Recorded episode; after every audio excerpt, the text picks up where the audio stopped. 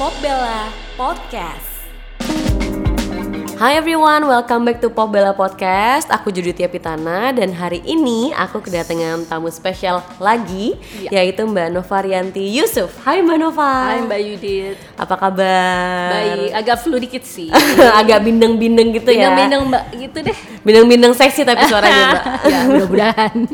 By the way, thank you for being here. Tadi habis foto juga Iya. untuk kampanyenya Pop Bella Future is Female. wow, ya. Iya. Makasih banget Makasih sudah dilibatkan. Iya, tadinya harusnya pergi ke Bangkok ya hari ini. Iya, iya, harusnya mau ke rumah sakit jiwa di sana. Oh, gitu. Ah, mau lihat apa mm, mau kunjungan gitu, tapi ternyata minggu depan. Oke, untung minggu depan ya, Mbak. Untungnya. Jadi ada waktu ya. Iya. Buat kita ngobrol-ngobrol. Memang betul deh. Mbak, sebenarnya kamu pertama kali eh, tertarik dengan isu kesehatan mental Hmm. tuh gimana sih? Boleh diceritain nggak dari awalnya? Awalnya sih basic banget sih, gara-gara em, saya ngambil program spesialis kedokteran jiwa di FKUI. Tapi em, pada saat lagi menjalankan program spesialis itu kan ada banyak masalah psikososial gitu ya, kayak nggak bisa bayar obat gitu kan, belum ada BPJS waktu itu kan. Iya. Nah terus saya pikir kalau saya menyelesaikan masalah satu-satu dengan apa ya, dengan misalnya kayak ada satu ibu saya bayar dengan cincin ya gitu, terus saya kayak Oh iya. Oke, Ah, Bu bayarnya bukan ke saya gitu karena Oh, gitu. saya dokternya itu ada lain lagi nanti kasir dan lain sebagainya. Gitu, tapi kan nggak mungkin gitu setiap kasus per kasus saya bayar gitu misalnya bantu. Akhirnya saya pikir aduh ini kayaknya masalahnya ini harus diselesaikan dengan mungkin regulasi undang-undang. Terus saya pikir gimana ya caranya buat undang-undang. Ya udah akhirnya masuk partai Oke. Dan itu challenging sih Em, kayaknya institusi pendidikan saya waktu itu ya kurang suka lah kita berpartai karena kan sistem pendidikan kedokteran kita ya gimana sih gitu Iya, Kita iya, iya. berpartai Tiba-tiba gitu jadi kan kok partai iya gitu iya ya. kayaknya memang em, bisa menimbulkan dislike dan sikap tertentu atau resistensi ke kita tapi itu konsekuensi yang harus dijalani Hmm. belum lagi juga banyak yang bilang iya emangnya pasti lu uh, lolos gitu jadi caleg Hmm. Saya kayak I don't know saya nggak tahu trying. saya nggak tahu jawaban dari semua em, ka- keraguan semangat keraguan teman-teman saya nggak tahu Hmm. gitu tapi waktu itu cuma just do it aja gitu Oke. Toto akhirnya kepilih dan akhirnya ya em, saya konsisten gitu niatnya untuk memperjuangkan undang-undang kesehatan jiwa begitu masuk DPR undang-undang rancangan undang-undang pertama yang saya inisiasikan adalah rancangan undang-undang kesehatan jiwa gitu. Jadi sampai 2014 akhirnya bisa disahkan. Jadi ya konsisten. Berapa lama tuh Mbak perjuangannya dari awal nyalek sampai akhirnya undang-undang itu disahkan? itu lima tahun. Jadi lima tahun di parlemen. I- sebenarnya sih saya harus mengerjakan banyak hal yang lain. Kalau anggota DPR kan berarti em, ada fungsi representatif eh, ke dapil ada fungsi pengawasan ada juga fungsi anggaran dan legislasi. Jadi a- saya harus menjadi anggota panitia kerja yang lain gitu. Termasuk saya waktu itu jadi wakil ketua komisi terus saya harus uh, menggolkan juga undang-undang keperawatan gitu. Jadi tidak bisa hanya undang-undang kesehatan jiwa. Belum lagi uh, sempat di badan kerja sama antar parlemen yang itu berarti um, pergi ke luar negerinya banyak sekali gitu ya untuk kegiatan-kegiatan uh, konferensi atau kongres-kongres parlemen. Ya akhirnya saya selalu kayak ada satu koridor yang itu untuk kesehatan jiwa gitu. Jadi yang lain tetap jalan begitu menjalankan berbagai tugas, tapi selalu disisihkan. Ada satu koridor kecil itu untuk kesehatan jiwa. Jangan lupa ini harus ada progres selalu Harus terprioritaskan sa- sampai juga. akhir gitu. Jadi walaupun sibuk kayak apa, ini jangan lupa yang satu ini gitu. Oke, nah kalau eh, dilihat juga kan sebenarnya di Indonesia juga unfortunately banyak ada kasus eh, bunuh diri dan kasus-kasus kesehatan mental yang lain eh, yang kayaknya semakin tahun eh, semakin muda juga gitu eh, korbannya. Kalau menurut Mbak Nova juga itu eh, fenomena itu kenapa dan bagaimana cara mengatasinya?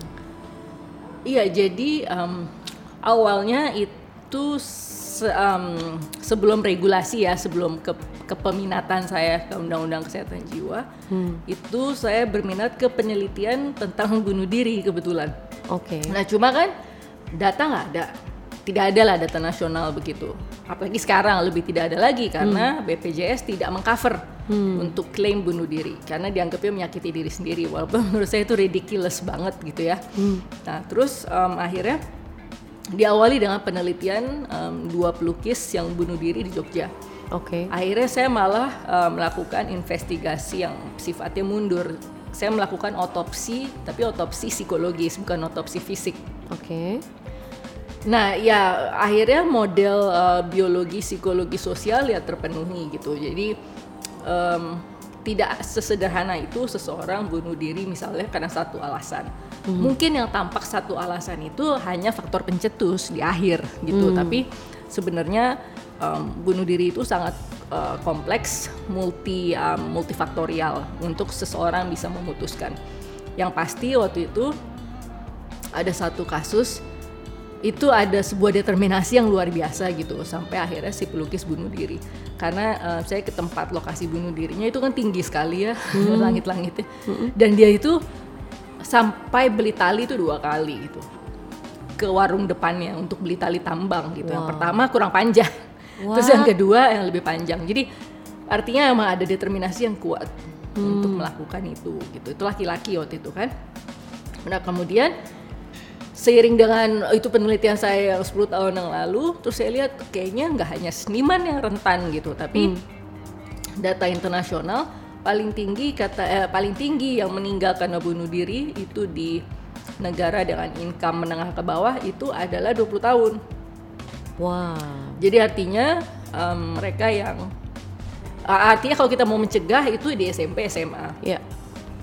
Akhirnya disertasi saya di FKM UI itu membuat instrumen untuk melakukan screening deteksi dini faktor resiko ide bunuh diri gitu. Hmm. Jadi ya kita sulit untuk um, jangan sampai terjadi karena bunuh diri ya akhirnya kita harus mencegah. Berarti ini dilaksanakannya dari di sekolah, di sekolah. SMA, SMA. Okay. Jadi instrumennya udah dibuat dan pada saat dilakukan analisis multivariat begitu um, instrumen ini uh, mempunyai kemampuan prediktor itu uh, bisa memprediksi ide bunuh diri itu 5,39 kali. Jadi lumayan kuat dibandingkan misalnya faktor depresi atau faktor stresor psikososial gitu. Mm -hmm. Jadi saya, oh jadi instrumen yang ini ternyata kuat memprediksi dan isi instrumen ini tuh ada empat aspek, empat dimensi. Oke. Okay. Yaitu dimensi um, uh, burdensomeness, anak ini merasa sebagai beban. Hmm. Banyak ya sekarang yang orang tuanya bercerai, anak merasa oh, ini karena kesalahan dia nih gitu misalnya gitu, hmm. gitu misalnya. Hmm. Terus belongingness, nah anak-anak sekarang nggak nggak sekarang sih dari dulu juga remaja itu ingin menjadi bagian dari sesuatu. Ya. Kalau ke sekolah aja, pagi-pagi terus ngelihat teman dekatnya ngobrol-ngobrol terus pas dia datang langsung bisik-bisik diam itu pasti langsung udah, baper ya. Aduh kenapa nih gitu kan? Kayaknya tuh nggak anak muda aja deh. Iya iya semua iya, orang. Itu keinginan untuk belongingness. Nah iya, iya. yang ketiga itu hopelessness merasa tidak ada harapan. Hmm. terus yang keempat loneliness merasa kesepian. Jadi empat dimensi itu saya masukkan dalam instrumen untuk uh, deteksi dini faktor risiko bunuh diri hmm. dan itu ternyata 5,39 kali dapat uh, sebagai prediktor uh, ide bunuh diri gitu. Oke, okay. uh, sekarang kan udah mulai banyak dicetuskan mm -hmm. tentang mental health. Mm uh, mungkin dibanding 10 tahun lalu, sekarang orang-orang lebih aware gitu. Yeah. Menurut Mbak Nova, gimana sih cara supaya kita lebih menyuarakan lagi tentang pentingnya mental health dan uh, bahwa bunuh diri itu juga bisa dicegah kalau misalnya kita juga tahu gitu sebenarnya hmm. bagaimana cara mencegahnya. Uh, Iya, jadi memang dalam Undang-Undang Kesehatan Jiwa itu mm -hmm. ada ODGJ istilahnya orang dengan gangguan jiwa itu berarti sudah terdiagnosis. Oke. Okay. Tapi ada ODMK orang dengan masalah kejiwaan. Nah ini artinya adalah kelompok yang rentan misalnya ada disabilitas, misalnya profesinya yang rentan untuk dia gitu. Hmm. Dan um, ya kondisi-kondisi yang um, stresor psikososial yang kuat gitu. Jadi memang uh, ini yang justru uh, dicegah supaya tidak menjadi gangguan jiwa kelompok-kelompok okay. rentan. Nah, yang orang-orang yang biasa juga, maksudnya yang bukan ODMK itu juga tetap harus berusaha uh, menjaga keseimbangan dalam hidupnya hmm. supaya juga um, tidak kehilangan apa uh, keseimbangan misalnya um, sehingga akhirnya dia juga masuk ke dalam kondisi yang rentan mengalami masalah kejiwaan gitu. Nah kebanyakan kita ini kan tidak seimbang hidupnya. Gitu. Gimana sih mbak cara menjaga keseimbangan itu tuh? Ya, itu memang cara-caranya? hampir tidak mungkin. Iya, kan hampir susah tidak ya? mungkin, tapi yang penting kita aware sih. Oke. Khawatirnya kita tuh eh, terbawa terus oleh arus ketidakseimbangan itu tanpa kita menyadari. Kalau kita menyadari itu ya bagus, pasti kita ada upaya sedikit demi sedikit gitu. Kayak misalnya, aduh gue kayak kerjanya terlalu apa ya tegangan tinggi. Terlalu aduh gue ini deh, gitu ya. ada upaya gitu misalnya yoga deh, meditasi deh gitu. Atau eh, banyak zikir kayak apa gitu. Jadi em, kalau kita aware eh, tentang kesehatan jiwa, maka kita akan mencari cara. Begitu. Belum tentu berhasil, tapi minimal eh, Menyadari. ad- menyadari itu itu yang penting awarenya dulu gitu. Khawatirnya tuh tidak aware bahwa sebenarnya tuh udah nggak sehat gitu. Em, dia menjalankan kehidupan yang maksudnya ya lama-lama kan bukan hanya tidak sehat ke, ke mental tapi juga ke fisik kan. Lama-lama kalau nggak ya kayak misalnya badan dipakai terus seperti mesin, toh dia harus check up. Ya, betul Nah, sekali. sama kayak ya kayak gitu, eh, pikiran terus saja digerus dengan em, ya non-stop gitu. Pada akhirnya kan dia juga harus break, harus istirahat. Dan sedikit banyak pasti akan mempengaruhi kesehatan fisik juga ya mbak ya. Itu sangat saling mempengaruhi. Fisik mempengaruhi eh, mental juga. Misalnya kalau sakit berat, lama-lama dia secara mental lama-lama down. Ya. Sedangkan fisik, eh, sedangkan mental, kalau em, misalnya depresi, terus menerus dia nggak mau makan, terus menerus dia menarik diri, mengurung diri, lama-lama itu bisa juga dehidrasi, kemudian kurang gizi, malnutrisi dan lain sebagainya itu bisa terjadi juga ya. gitu. Nah, eh, selama perjalanan waktu membuat UU Undang-Undang Kesehatan Jiwa, eh, prosesnya seperti apa? Boleh diceritain nggak, Mbak Nova? Apakah punya respon negatif nggak sih dari orang-orang waktu lagi membuat itu? Dulu kayaknya banyak yang nggak peduli.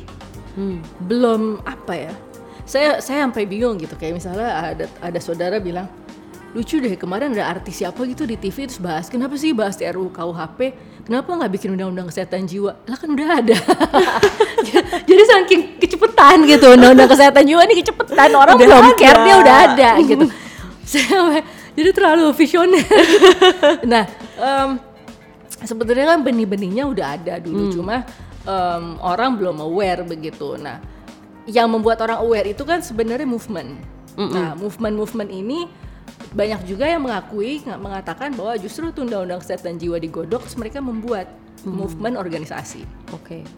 Nah, waktu dulu prosesnya itu eh, ya nggak gampang. Jadi pertama kan harus lewat rapat-rapat formal begitu kan, yang tadi saya nggak tahu dan kebetulan kok saya lagi ada nggak tugas keluar kota atau keluar negeri. Saya datang ke rapat di komisi, ternyata "Hah, ini rapat untuk mengajukan RUU eh, program legislasi nasional lima tahun. Untung saya berada di sana. Akhirnya saya langsung menga- mengajukan undang-undang rancangan undang-undang kesehatan jiwa dan itu sempat diprotes.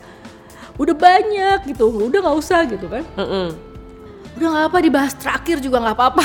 saya bilang. Yang penting ada. Pokoknya masuk dulu gitu.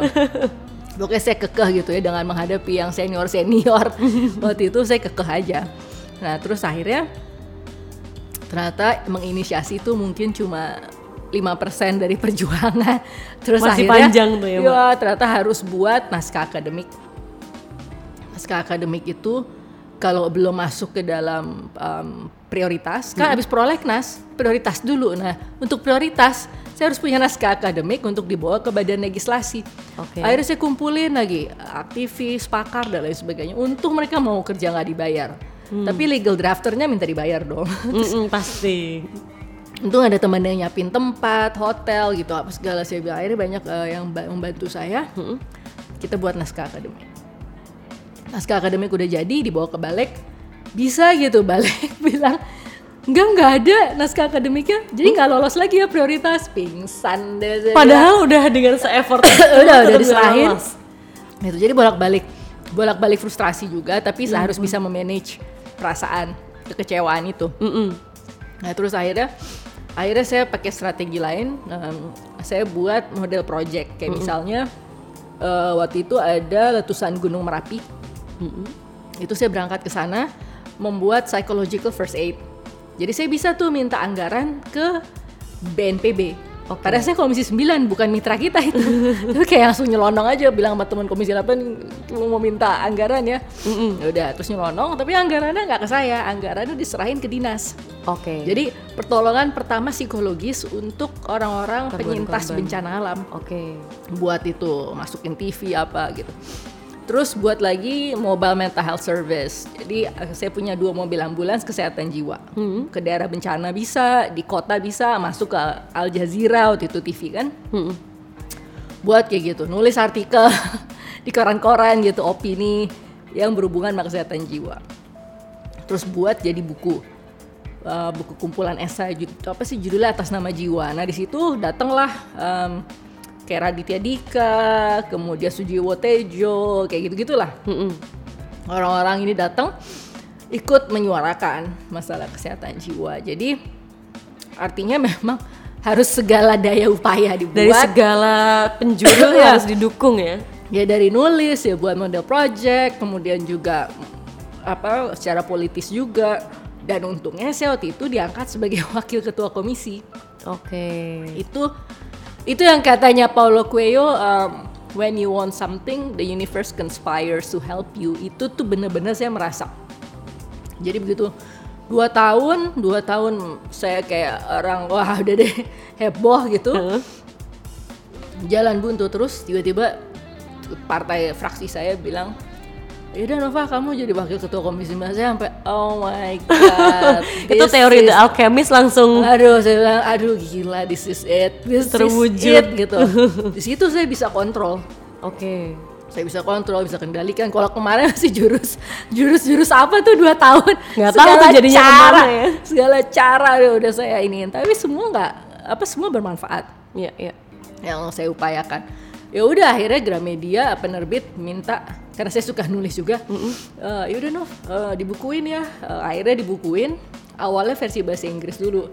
Judulnya eh, A Rookie and the Passage of the Mental Health Law eh, an Indonesian Story. Jadi perjalanan undang-undang kesehatan jiwa versi Indonesia. Makanya waktu saya fellowship di Harvard bisa bawa buku itu. Jadi oke. dibagikan ke Itu udah udah terbit duluan soalnya bukunya. setelah pas undang-undangnya itu. Pas undang-undangnya udah undang-undangnya ini. itu. Pokoknya ya banyak kendala lah ya waktu menjelang uh, pengesahan undang-undang. Makanya terakhir nyebur ke kolam air mancur. Kenapa tuh, Mbak? karena kayak diingetin gitu. Mbak besok kan disahkan undang-undangnya. Kan waktu itu Mbak Nova pernah kaul katanya mau nyebur ke kolam DPR Ini literally nyebur. Beneran. iya benar-benar nyebur Karena besok akan disahkan ya. terus akhirnya ya udah habis disahkan wartawan udah nungguin aja saya keluar tuh wartawan udah ngikutin saya aduh ya udah akhirnya nyebur beneran janji. udah dibersihin tapi masih licin masih banyak lumut lumpuh. nah, waktu eh, dalam proses yang panjang itu ada sosok-sosok yang sampai sekarang Mbak Nova masih ingat sangat membantu Mbak Nova untuk eh, membantu mengesahkan undang-undang itu nggak? Eh kebanyakan malah yang ngeledek. Aduh. eh ngeledek tuh kayak ya Nova aneh sih yang diurusin orang gangguan jiwa. Nanti siapa yang milih dia lagi? Jadi kan kalau anggota DPR tuh ada kecenderungan memilih um, agenda isu itu yang populis. Jadi Oke. yang sehingga potensi mereka kepilih lagi tinggi. Makanya saya tuh kayak dicemooh karena memilih isu yang termarginalkan Yang nggak banyak orang memilih Nah, ya. saya saya bilang, aduh gimana ya kalau uh, somebody's gotta do the dirty work. Kayak ya udahlah ini emang konsekuensi dari awal saya maunya itu kok gitu. Nggak mungkin kan di tengah jalan tiba-tiba saya mengabaikan itu dan memilih isu-isu populis. Eh ya buat saya saya nggak kayak gitu. Kalau udah janji ya janji walaupun janjinya nggak ada yang inget. Karena orang kan belum paham kesehatan jiwa waktu Sekarang itu. sudah. Ah, sekarang udah paham saya udah tenang kan udah bilang undang-undangnya udah ada. Memang harus dimulai dari Mbak Nova mungkin ya. Iya iya iya ya. kalau enggak ya artinya sekarang baru memulai fight gitu. Dan pasti akan takes a longer time. Ya karena dengan semakin orang banyak yang concern, kepentingannya malah makin berbenturan. Iya, gitu. iya, iya. Waktu eh, Mbak Nova berhasil membuat undang-undang itu, yang Mbak Nova lihat di masyarakat eh, sebenarnya eh, gimana Mbak? Apakah waktu itu di Indonesia juga sudah banyak eh, masalah kesehatan jiwa atau sebenarnya kalau dibandingkan dengan di luar negeri itu eh, masih minim atau gimana? Sebenarnya awalnya itu karena kasus pemasungan. Jadi Hmm. em, menurut riset kesehatan dasar 2007 itu ada 18 orang yang dipasung. Hmm. Tiba-tiba lagi proses penyusunan rancangan undang-undang kesehatan jiwa. em, tiba-tiba angka yang dikeluarin riset kesehatan dasar 2013 itu ada 56 ribu. Hah? Jadi memang Banyak banget. Iya ya, saya nggak tahu apakah karena perbedaan perhitungan atau apa. Pokoknya tetep lah itu banyak gitu yang dipasung. Iya. Ya udah akhirnya itu sih sebenarnya awalnya banget. Jadi itu real di masyarakat ada pelanggaran hak asasi manusia terhadap orang dengan gangguan jiwa di Indonesia dan itu ya artinya nggak usah melihat alasan lain kenapa undang-undang kesehatan jiwa diperlukan lewat lihat ini satu kasus saja pemasungan aja itu udah urgensi. Iya, iya, iya. Gitu. Oke. Eh, tapi kan sebenarnya apalagi kalau di kaum milenial dan Gen Z ya, eh, ada yang bilang bahwa banyak orang yang mungkin merasa depresi tapi nggak mau mengakui itu ke orang lain gitu kan. Sementara sebenarnya mungkin teman-teman dekatnya atau keluarga dekatnya ingin membantu, but they don't know how to reach the person because they don't, they themselves nggak mau open up misalnya. Kalau menurut Mbak Nova sendiri, kalau misalnya di lingkungan kita ada orang yang seperti itu, cara kita untuk membantu tuh sebaiknya seperti apa sih Mbak? Eh, Iya, jadi eh, memang em, suasana itu harus tulus ya. Jadi harus benar-benar sincere, em, nyaman dan empatik itu yang utama. Kebanyakan orang juga enggan terbuka, open up gitu justru karena dia ngeliat nih orang kok kepo. Sebenarnya cuma kepo doang gitu ya. ini sih bukan care, ini kepo, ini bukan empati gitu loh. itu yang membuat orang makin males, Tertutup. enggan dan khawatir malah diomongin ke mana-mana. Itu malah jadi kayak buka aib. Jadi sebenarnya eh, pada saat kita mau mulai eh, menunjukkan kepedulian terhadap kesehatan jiwa itu artinya kita tuh sebenarnya harus belajar banget untuk berempati Hmm, oke. gitu. Empati itu nggak bisa mendadak juga gitu. Empati itu ternyata emang harus dilatih gitu. Nah ini yang membuat eh, orang ya enggan gitu kan. Karena ini kok nanyanya kayaknya bukan karena concern sama gue. Ini kayaknya kepo aja. Cuma pengen tahu aja nih Iya. masalah gue gitu ya. Ya itu itu yang membuat salah satu yang membuat orang em, resisten dan Oke. malah menahan diri gitu. Oke, terus kalau sekarang eh, usaha-usahanya Mbak Nova sendiri supaya lebih membuat orang lain lebih aware lagi dengan mental health issue itu apa aja sih Mbak? Yang paling akhir itu saya membuat Jakarta Mental Health Convention. Hmm. Em, itu kerjasama sama em, volunteernya General Electric. Nah terus itu saya kumpulkan organisasi eh, peer support group, organisasi LSM segala macam di bidang kesehatan jiwa. Oke. Itu baru pertama kali. Dan itu ternyata mereka tuh bergeraknya macam-macam banget. Ada yang ke depresi, ada yang ke pusat-pusat rehabilitasi, ada yang untuk konseling. Jadi entah ada yang untuk bunuh diri, ada yang untuk skizofrenia gitu. Problemnya mereka ini menjadi ujung tombak ke masyarakat. Problemnya adalah anggaran terbatas, Hmm. kurang terkoordinir. Oke. Nah, makanya dengan saya mengadakan acara kemarin itu tujuannya ya adalah yuk apa yang bisa kita lakukan bersama. Rasanya kalau kita bergerak bersama-sama itu saya rasa lebih efektif di masyarakat untuk melakukan upaya promosi kesehatan jiwa gitu. Jadi itu sih em, artinya justru saya mencari sebanyak-banyak mungkin organisasi dan kita berjejaring gitu.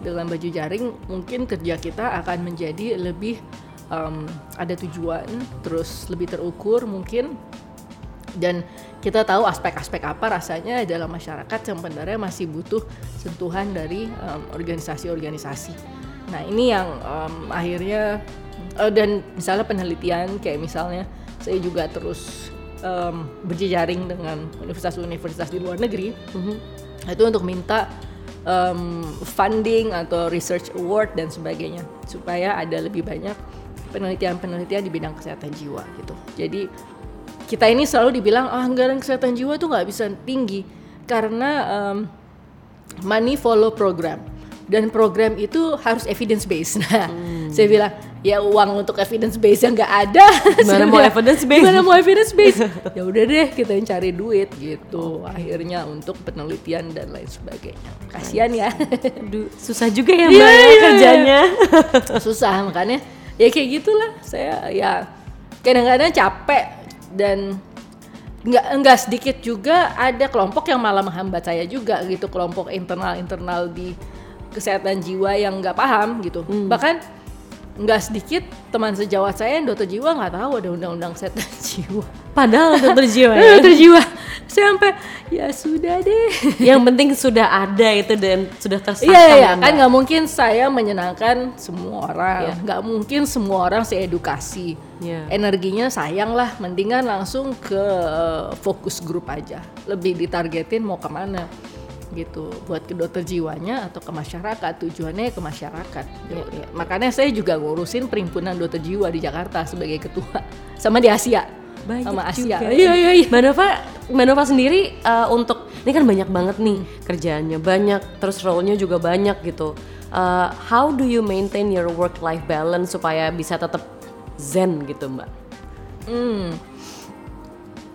Apa ya? Oh saya suka menghilang loh, menghilang. Menghilang tuh gimana tuh Jadi, maksudnya? saya suka, saya suka matiin handphone. Oke, itu eh, best terapi mungkin ya itu, Mbak ya? itu best therapy. Karena saya mulai uh, menyadari bahwa uh, itu tadi kita ini di era yang semua serba berkelebihan apa ya? Saya mengutip kata-katanya Menlu waktu itu paradox of plenty. Jadi ada banyak hal tapi menjadi paradoks gitu. Kayak kita nggak nggak maksimal gitu sebenarnya semua yang kita peroleh informasi apa deh. Nah itu kayak misalnya buku, misalnya mau nonton Netflix, mau baca buku, tapi buku bertumpuk, tapi handphone yang dilihat. Tapi yang dilihat Instagram. Nah, akhirnya terpaksa harus dimatiin. Ya, ya. Kayak oh my god, this is unhealthy gitu. Eh, Kayak ini ungrateful.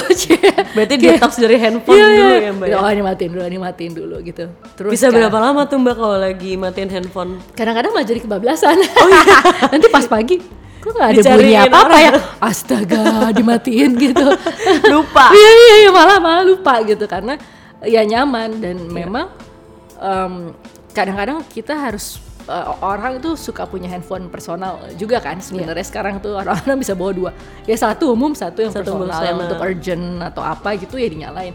Tapi yang satu yang umum ya Dimatiin. Kalau nggak ya. kita nggak akan benar-benar bisa menikmati relaksasi. Misalnya kalau relaksnya baca ya udah baca. Relaksnya Netflix ya nonton gitu. Udah yang lain tuh ditinggalin gitu. Jadi ya Jangan Heeh. multitasking terus-terusan gitu ya. Iya, apalagi kalau buka handphone, sebenarnya oh iya belum bales si A. Tiba-tiba pas mau bales si A, banyak notif. Akhirnya ke notif-notif yang lain, taruh handphone. Tadi gue mau ngapain ya sebenarnya? ya? Ambil lagi. oh astaga, gue lupa ngebales WA-nya si A. Ah. Memang nggak kelar-kelar kerjaan ya Mbak ya dari Iya, handphone jadi itu ya. memang ya ya artinya relaksasinya begitu. Saya mulai menyadari gitu sih kalau saya mau nonton goodbye, goodbye, goodbye. Saya mau relaksasi gitu, saya mau ini gitu sih. Kalau nggak capek, capek itu kadang-kadang kerasa loh penatnya kita terlalu terekspos ke apa uh, handphone gitu. Iya sih, mungkin karena no time to talk with ourselves. ya itu tadi kita sibuk menjadi makhluk sosial dan akhirnya kita nggak punya cukup waktu menjadi makhluk individual itu. Iya, iya, iya. Padahal kita kan harusnya balance sebagai makhluk individual dan makhluk sosial. Wah, itu juga yang masih saya perjuangkan, Mbak. Iya iya. Kayaknya emang eh, agak sulit, Hmm. tapi ya pasti bisa lah ya dilakukan. Bisa bisa bisa banget. Just turn it off. Just turn off your phone. Oke, thank you so much Mbak Ya, Nova sama-sama, Mbak untuk obrol-obrolannya. Yes. Semoga kita bisa ngobrol lagi dan Ya. sampai ketemu juga di Indonesia Millennial Summit. Ah, wow, looking forward. Yeah, thank you. Oke, makasih. Bye bye.